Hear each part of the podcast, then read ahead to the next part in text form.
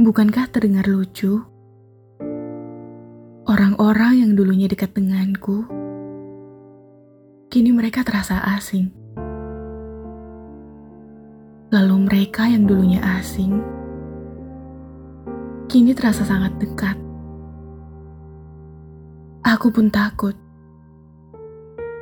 Takut mereka yang kini dekat denganku, besok pun juga akan terasa asing.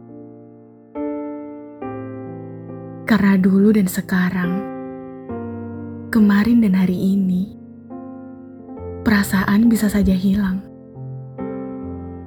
Kita tak pernah tahu, isi hati seseorang bisa saja berubah. Sekarang kita asik. Mungkin nanti kita asing. Sekarang saling bertanya kabar. Mungkin nanti menyapa saja kita ragu